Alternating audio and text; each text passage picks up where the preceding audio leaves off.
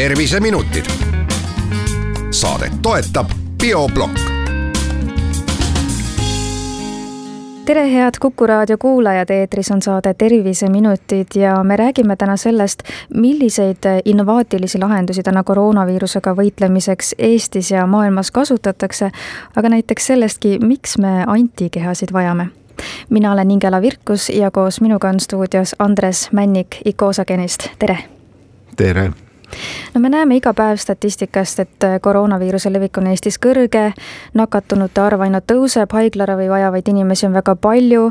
nagu me teame, aitavad viiruse levikut tõkestada vaktsineerimine ja kõik elementaarne, alustades siis kätepesust ja, ja sellest, et võõrastega võiks distantsi hoida avalikele üritustele ja nii edasi saab koroonapassiga negatiivse testi tulemusega või siis, kui oled hiljuti viiruse läbi põdenud, et mida see viimane täpsemalt tähendab, kui jätame kõrvale selle, et osad kurdavad, et tunnevad ka võib-olla aasta pärast läbipõdemist sellist tohutut nõrkust ja nii edasi, et mis siis kehas tegelikult toimub? no immuunsusega seoses toimub pärast haiguse läbipõdemist või ka haiguse vastase vaktsineerimist immuunsüsteemi aktiveerimine selle haiguse vastu see siis tähendab seda, et kujuneb organismis vastav mälu, mis siis talletatakse kas spetsiifiliste rakkude või antikehade kujul ja mis hõlbustab järgmine kord sama haigustekitaja esinemisel see kohe kiiresti ära tunda ja kahjutuks teha. see toimub paljuski läbi, läbi antikehade, kuigi seal on ka teistsuguseid mehhanisme. aga kuidas siis üldse toimib inimese keha vastupanuvõime, et kui me natuke seda veel avada võiks? No inimese keha vastupanuvõime toimib tegelikult väga keerukal viisil, seal on mitu tasandit, võib-olla üks tasand on see kaasasündinud immuunsus, mis reageerib ühtemoodi kõigile haigustekitajatele, sõltumata sellest, kas selle viirusega inimene on varem kokku puutunud või ei ole või, või bakteriga. aga võib-olla praegu on huvipakkuv, on selline omandatud immuunsus, mis tähendab seda, et kui inimene saab viirusnakkuse ja organismis on olemas juba antikehad eelmisest korrast või vaktsineerimisest siis need mobiliseerivad immuunsüsteemi väga kiiresti, et see sissetungi hävitada, viirusega nakatunud rakud kahjutuks teha ja, ja viiruse nakkus kiiresti organismist eemaldada. aga mis need antikehad siis selles mõttes ikkagi on, et, et ähm, kuidas nad meie kehas toimivad ja miks meil neid äh, vaja on? mis no, juhtub, kui neid meil ei ole kui meil ei ole, siis on meil hästi-hästi raske, võimatu elada, ütleme tavalises looduskeskkonnas, kuna nad on niivõrd oluline osa sellest immuunsüsteemist antikehad on põhimõtteliselt on nad valgumolekulid ja neid on, ütleme inimese organismis äh, väga palju erinevaid. ütleme kümme miljardit erinevat antikeha suurusjärgus ja igaüks neist on mingi väga kindla funktsiooniga, see tähendab, ta tunneb ära mingit väga kindlat teist valku, näiteks mingit viiruse pinnavalku ja see äratundmine vallandabki siis sündmuste rea, mille eesmärgiks on see viirusnakkus organismist eemaldada. Et need antikehad selles mõttes on meile täiesti hädavajalikud ja, ja nagu ka kõigil imetajatel.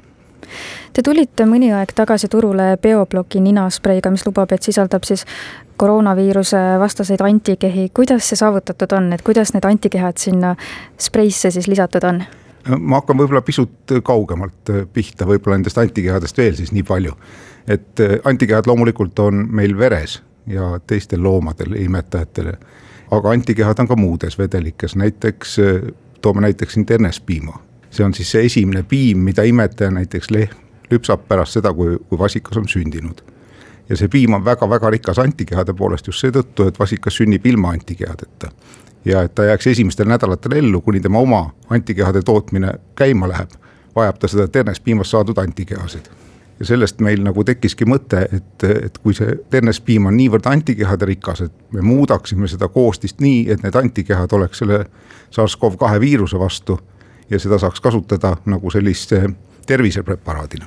Ja, ja siis me tegimegi seda, kasutades erinevaid äh, loodusteaduslikke meetodeid, äh, mis algasid selle viiruse valgu modifitseerimisest ja uurimisest ja seda siis kasutati, seda viiruse valku, mille me siis äh, nii-öelda kokku panime ja laboris tootsime, seda kasutati lehma immuniseerimiseks, mis on väga sarnane, noh, inimese vaktsineerimisega. ja kui lehma sellisel viisil immuniseeriti siis see ternespiim, mida ta lüpsis, sisaldas väga palju just selle viiruse vastaseid antikehasid. me puhastasime need antikehad sealt välja ja formuleerisime selliseks ninaspreiks, mille kohta te küsisite. ja näitasime, et, et selline lahus on tõesti viirusvastase toimega, vähemalt äh, rakukultuuri katsetes kaitseb rakke viirusnakkuse eest aga kui tõhusad sellised väljaspool organismi valmistatud antikehad ravi või siis äh, ennetaval otstarbel on, et kui kaua võib-olla siis tavalistel juhul umbes need antikehad meil kehas on mingisuguse viiruse korral ja kuivõrd siis näiteks see väljaspool organismi valmistatud antikeha siis seal püsib ja toimib? seda on väga hea küsimus, seal ongi nagu võibki eristada aktiivset immuunsust ja passiivset immuunsust, et aktiivne immuunsus on siis need antikehad, mis meie organism ise on tootnud ja passiivne immuunsus on siis eh, need, mis me oleme kuskil väljaspool tootnud ja, ja organismile väljaspoolt juurde andnud.